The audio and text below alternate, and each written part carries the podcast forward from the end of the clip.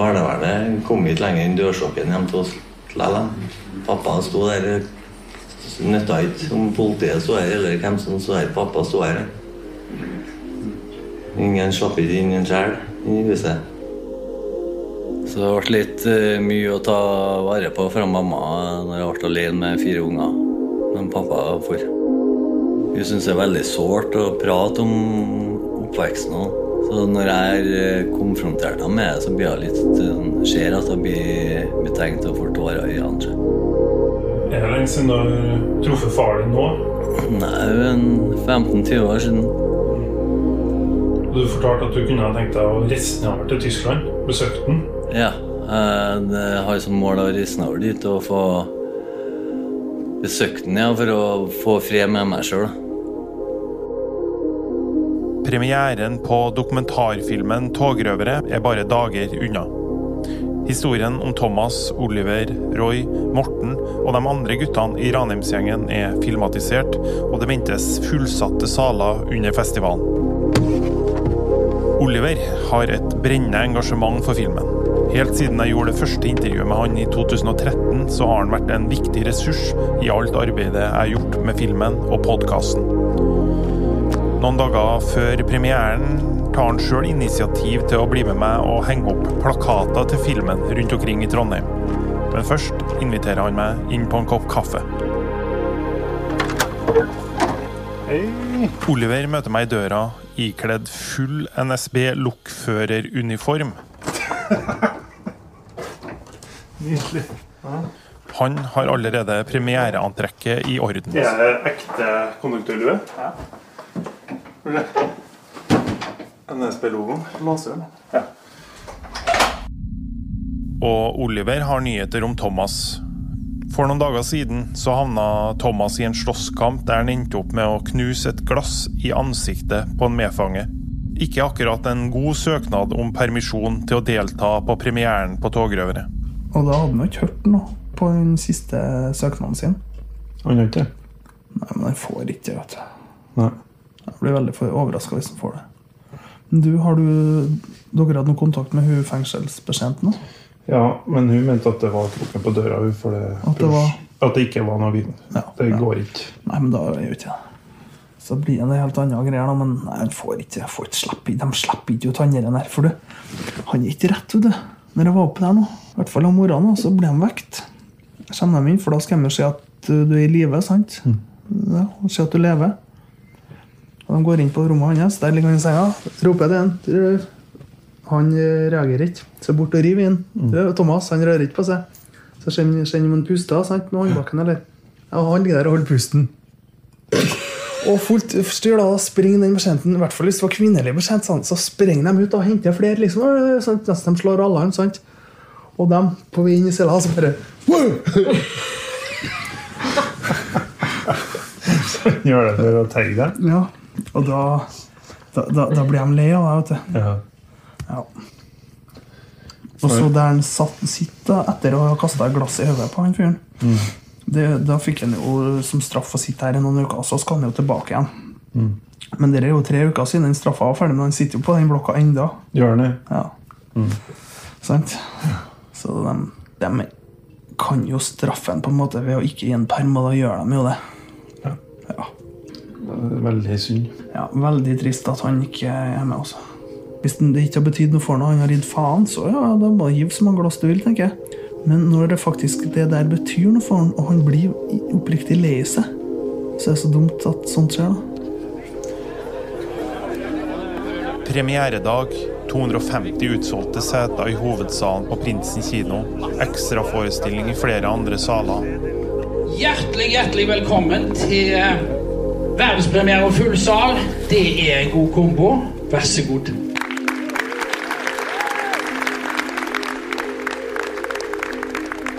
Og blant publikum sitter slekt, venner, filmfolk. Der sitter også Oliver, Roy, Morten og en drøss med gamle togrøvere. Men dessverre ingen Thomas. Det er jo én eh, person til som skulle ha vært her i dag. Han sitter i fengsel i dag, så derfor er han ikke her. Det er jo egentlig så enkelt som det. Vi har jobba egentlig på spreng for å få han ut på perm hit i dag, men eh, det gikk altså ikke, dessverre. Han skulle gjerne vært der, og det tror jeg har vært stort for se filmen her eh, i dag. Det betyr mye for han, vet jeg.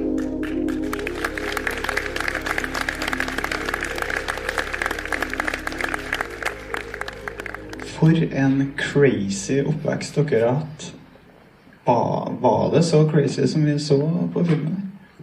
Ja, har du skulle ha laga film om alt vi har gjort, så tror jeg vi har sittet her noen uker. Men eh, ja, det var egentlig litt vær inne her òg. Ja, det sitter jo andre i gjengen i salen her òg. Etter visninga av filmen snakker Oliver og Roy til publikum om oppveksten sin. Og Roy har hele salen i sin hule hånd. Så da fikk jeg jo bil. Hvor gammel var du da? Jeg husker ikke hvor gammel jeg var. være 12-13, kanskje. Eh, den dagen hun var på jobb og kom hjem og så at det ikke var noe mye plen igjen, det var jo ikke så heldig, ja, men eh, det kom noen ny og grønn plen til neste år igjen. da. Er du fortsatt interessert i bil? Det er jeg. Eh, Jeg er ganske motorinteressert. Jeg jobber òg i, eh, i barn og oppvekst i Trondheim kommune og driver med vanskeligstilte ungdom, så jeg er mye inne i den biten der. Det i seg sjøl fortjener en applaus. Hva syns du var det kuleste med filmen? Vanskelig. Spørsmålet stilles til Oliver. Mye. Jeg kan si Det kjipeste var at den var fire timer for kort. Og alt var egentlig kult, men stemninga som rett og slett kaster meg 25 år tilbake i tid. Altså. Det er akkurat som å være tilbake i den tida og gå rundt på Ranheim. Så for meg så var det det Ja, det er vel det beste. Et par måneder etter filmpremieren er Thomas en fri mann igjen. Han har ennå ikke fått sett filmen om seg sjøl i en kinosal. Jeg inviterer med meg Thomas på en visning av filmen for Utdanningsforbundet i Trøndelag. Hei, Thomas. Hei, hvor er du nå? Ja, Der ser jeg. deg. Jeg ser deg der. Ser du meg? Jeg går over gata her. nå. Hallo, Thomas. Takk for sist. Godt å se deg. Ja, det gjør det. Ser bra ut. Her er Syns du? Ja, det gjør det. Ja, så bra. Jeg har gått ned litt, da. Mamma vet du, er så redd du, at jeg skal gå ned så gærent igjen. vet du. Så sa jeg mamma, nå har jeg sluppet ut. Det er greit det, at jeg så bra ut i sånne fengsel. Det gjør jeg ennå. Men nå beveger jeg meg litt mer, vet du. Ja, jeg gleder meg til dette. Gjør det? Jeg har jo sett frem til det, ja. det ble jo, du har jo bare sett den på filmen på en dataskjerm før, ikke Det blir noe, blir Sånn sa til meg i går så at det blir litt artig, for du får, får visualisert litt når du sitter sammen med masse andre folk og ser den sånn. Så det blir litt annerledes, får litt annet inntrykk. Men gjør det. Hører på reaksjonene til folk og Ja, ja, ja. Jeg gleder meg til å vise den til deg nå. Ja, det blir artig. I kinosalen sitter representanter fra Utdanningsforbundet i hele Trøndelag fylke. Vi er invitert til å vise filmen og snakke om konsekvenser av utenforskap, omsorgssvikt i hjemmet og skolens ansvar for barn som faller utenfor. En stor applaus til Thomas, da. Etter filmvisninga merker jeg at Thomas både er rørt og stolt, men også trist. For i samtale med publikum etter filmen åpna han seg om ting han ikke engang har sagt til meg i løpet av de fem årene jeg har intervjua han. Hvordan opplevde du skolegangen? Skolegangen min eh, Det er jo barneskolen jeg gikk på, men eh, skolegangen min var ikke noe særlig. Sånn sett. Eh, Jeg datt fort ut eh, fra skolen eh, etter eh, grunnskolen. Si sånn. Havna litt utpå på barneskolen. Fikk ikke oppfølging av verken foreldre eller skole. Så det ble eh, satt i gang tiltak med barnevern og hjelpeapparat, men ingenting funka for min del. Så jeg skeia nå ut på mitt vis, da. Så får nå bare og fant på tull og tøys, egentlig. Sånn som jeg følte på skolen, og sånn, så gidde jeg bare faen jeg, hvis det ikke ble hørt av verken foreldre eller skole. Da gjorde jeg som jeg ville uansett. Har det prega livet mitt, eh, oppveksten min? Ja. Det har det. Det var liksom ikke noe, noe hjelp fra utenfor heller, eh, sånn sett som jeg husker. Det var vel at skolen og, og samarbeidet med, med BUP eller barnevernet prøvde å komme inn i bildet og få til at jeg skulle ha noen som brydde seg om meg og kunne hjelpe meg med lekser og sånne ting. Men det viser jo seg at pappa hadde nekta alle sånne der å komme inn i hus på samtaler. og sånn, han, Så fikk jo aldri vite noe som helst. Fra jeg var liten så ble det ikke noe fra, så hjelp fra utsida, egentlig, sånn sett. Etter hvert da, så ble jo både lillebroren min og søstera mi og broren min sendt på barnehjem. da.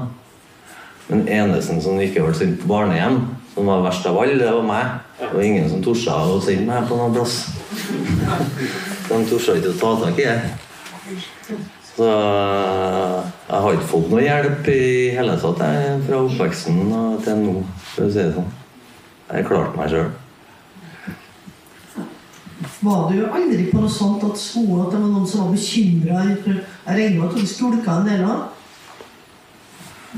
Ja, kan si det sånn. Jeg det var aldri på noen sånne familiesamtaler og prate med lærere og sånn. Pappa Ensai ville ikke være med på noe som helst når det gjaldt sånne ting. Mamma ble styrt av pappa. Så, sånn ble det nå. Mamma torde ikke å si imot en pappa. Pappa bestemte hjemme. Jeg bestemte eh, etter han igjen. Så det ble aldri snakka. Jeg hadde jo jeg hadde støttekontakt, faktisk, men det varte jo bare et par uker. Så for jeg var en umulig unge, så Ingen som ville De liksom gitt meg opp da, før, før de hele tatt hadde skjedd noe fremskritt eller satt noe mål for meg. Ja, for at Hvis du har vært min elev og dine foreldre, og du ikke har kommet på samtale når jeg er innkalt til det, Mm. så, så ville jeg komme hjem til dere. Nei, takk. Ja, og Hvis ikke jeg har fått lov å komme inn, så har det blitt en barnevernssak. Nei, takk. Men uh, barnevernet kom ikke lenger enn dørstokken hjem til oss likevel. Pappa sto der. Nytta ikke om politiet sto her, eller hvem som sto her. Pappa sto her. Ingen slapp ikke inn en sjel i huset. Hva tenker du om det?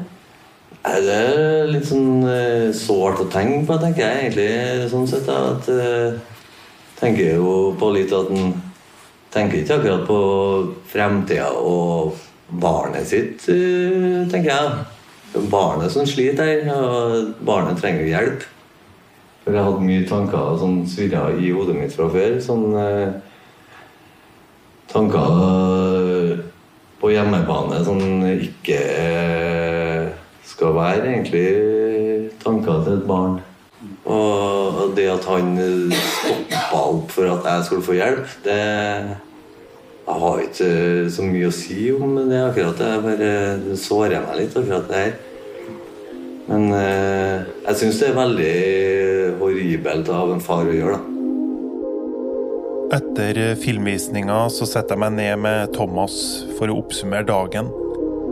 Men også reflektere over hele prosessen vi har vært igjennom de siste fem årene. Både med filmen og podkasten.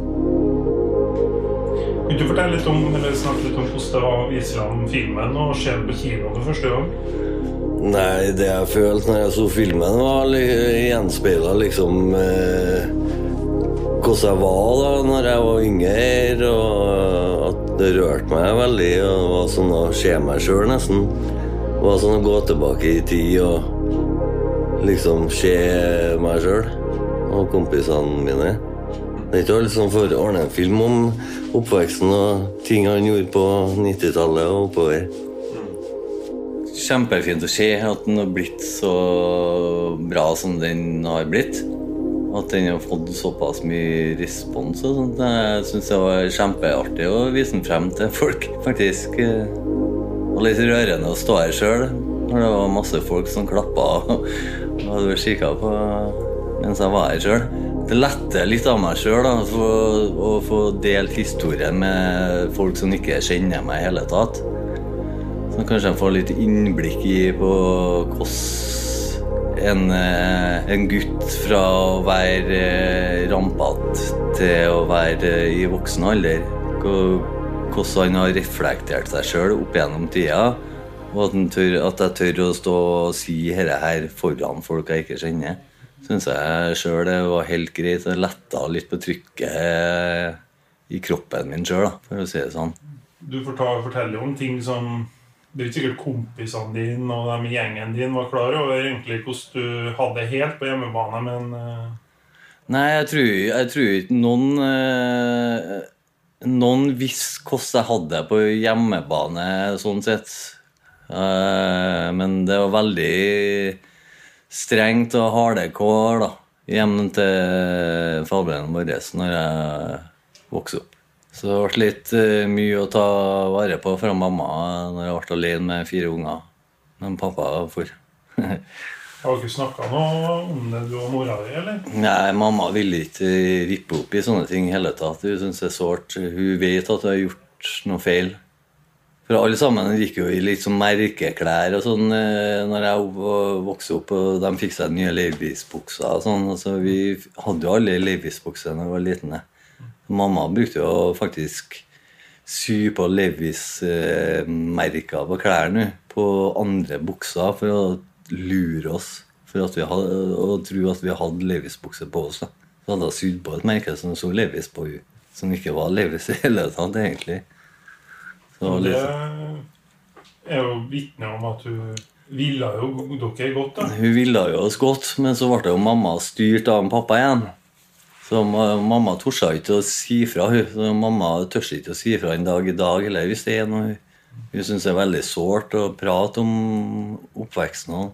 Så når jeg er konfrontert med det, så blir jeg litt sånn, ser at jeg blir betenkt og får tårer i øynene. Så da stopper jeg praten med henne der isteden. Jeg orker ikke å rippe opp i Hun har nok å tenke på, hun òg. Gjort er gjort, tenker jeg. Da må man bare glemme det og se fremover. Det har hjulpet meg faktisk etter vi begynte å ordne filmen her, for å få åpna meg litt og snakka litt om hvordan jeg hadde det når jeg var mindre. da. For eh, det har ikke vært så mange som har vært mottagelige for å ta imot den informasjonen jeg har sittet og snakka om. Ingen som ville ha sittet og hørt på meg. Sånn. Så jeg har faktisk vært en eh, slags uh, psykologtime, nesten. For å si det sånn. Hvordan har det vært nå etter du slapp ut nå? Nei, det, det, har da vært litt uh, tøft for meg. da. Jeg hadde jo vært litt uh, deprimert, egentlig, sånn sett. Og frustrert. og hadde jo dame når jeg for inn. og så når jeg kom ut, så hadde jeg plutselig ikke noe dame igjen. og så var vi sammen plutselig igjen, og så ble det frem og tilbake. Så jeg hadde nok å tenke på sånn. da. Mm.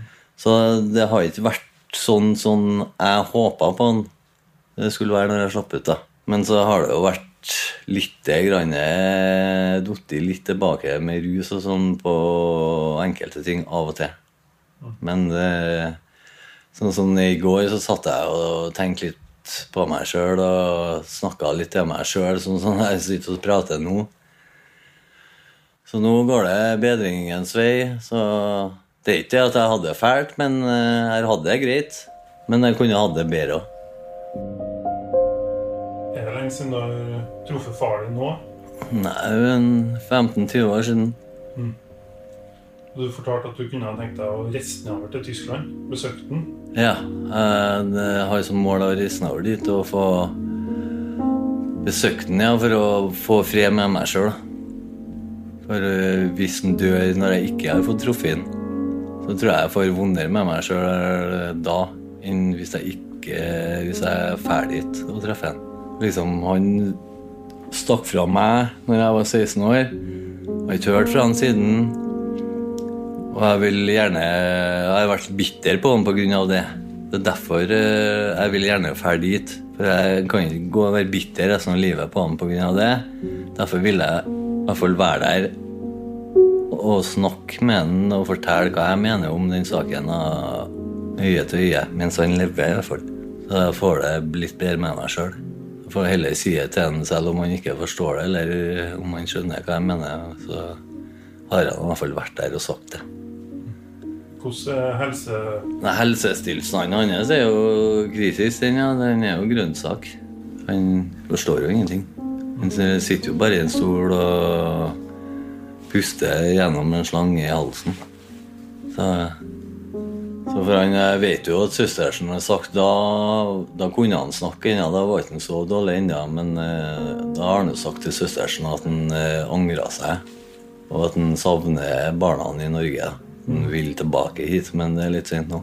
Ungene dine er 40 og 43 år og 35 og barnebarn. Du har seks barnebarn, liksom. Og truffet én av dem. Så det har vært mye tanker rundt det der, til barndommen og oppveksten. og sånn der. Men som jeg sa i kinosalen, så kommer jeg til å ta tak i det her og gå til sak mot barnevernet etter hvert. Jeg har kommet til meg sjøl litt. Jeg har prøvd å ha noe av papirer hjemme fra jeg var yngre. Det står det jo svart på hvitt at det er omsorgssvikt fra dag én av hjemme. Men det ble ikke gjort noe. Hvorfor sendte ikke jeg meg vekk på noe barnehjem? Hvorfor torde ikke de det? Alle andre i familien ble sendt bort utenom meg. Jeg som var verst, torde ikke de å sende bort. For barnevern og politi og skole vet du, de skal, skal ikke gi opp et barn. De skal hjelpe et barn, de skal ikke gi opp. En to? Nei, det er svær. Får du det? Jeg tror det. Takk for følget gjennom de her seks episodene av Togrøvere.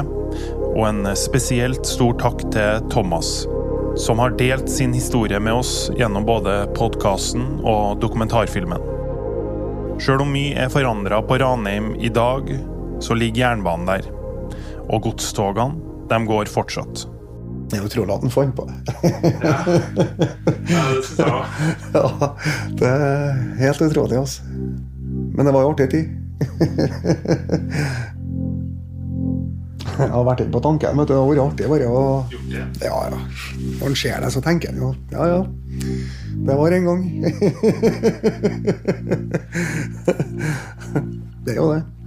Nå vet jeg ikke om det stopper nedpå her, da, men eh, det gjør det jo sikkert. Om ikke gjør det, så stopper jeg denne plassen. Men det er egentlig litt rart at det er ingen som har gjort det i ettertid Togrøvere er produsert av Walter Bross i samarbeid med Spettfilm for Aftenposten. Regi og klipp er av meg, Martin Walter. Musikk av André Bratten. Lydmiks Ambolt Audio ved Geir Døhli Gjerdsjø. For Aftenposten produsent Jonas Brenna og sjefsredaktør Espen Egil Hansen. Lyden av de unge togrøverne er gjenskapt med skuespillere i forbindelse med innspilling av dokumentarfilmen 'Togrøvere'. Filmen kan du nå se på aftenposten.no. Der kan du også høre alle episodene av podkasten.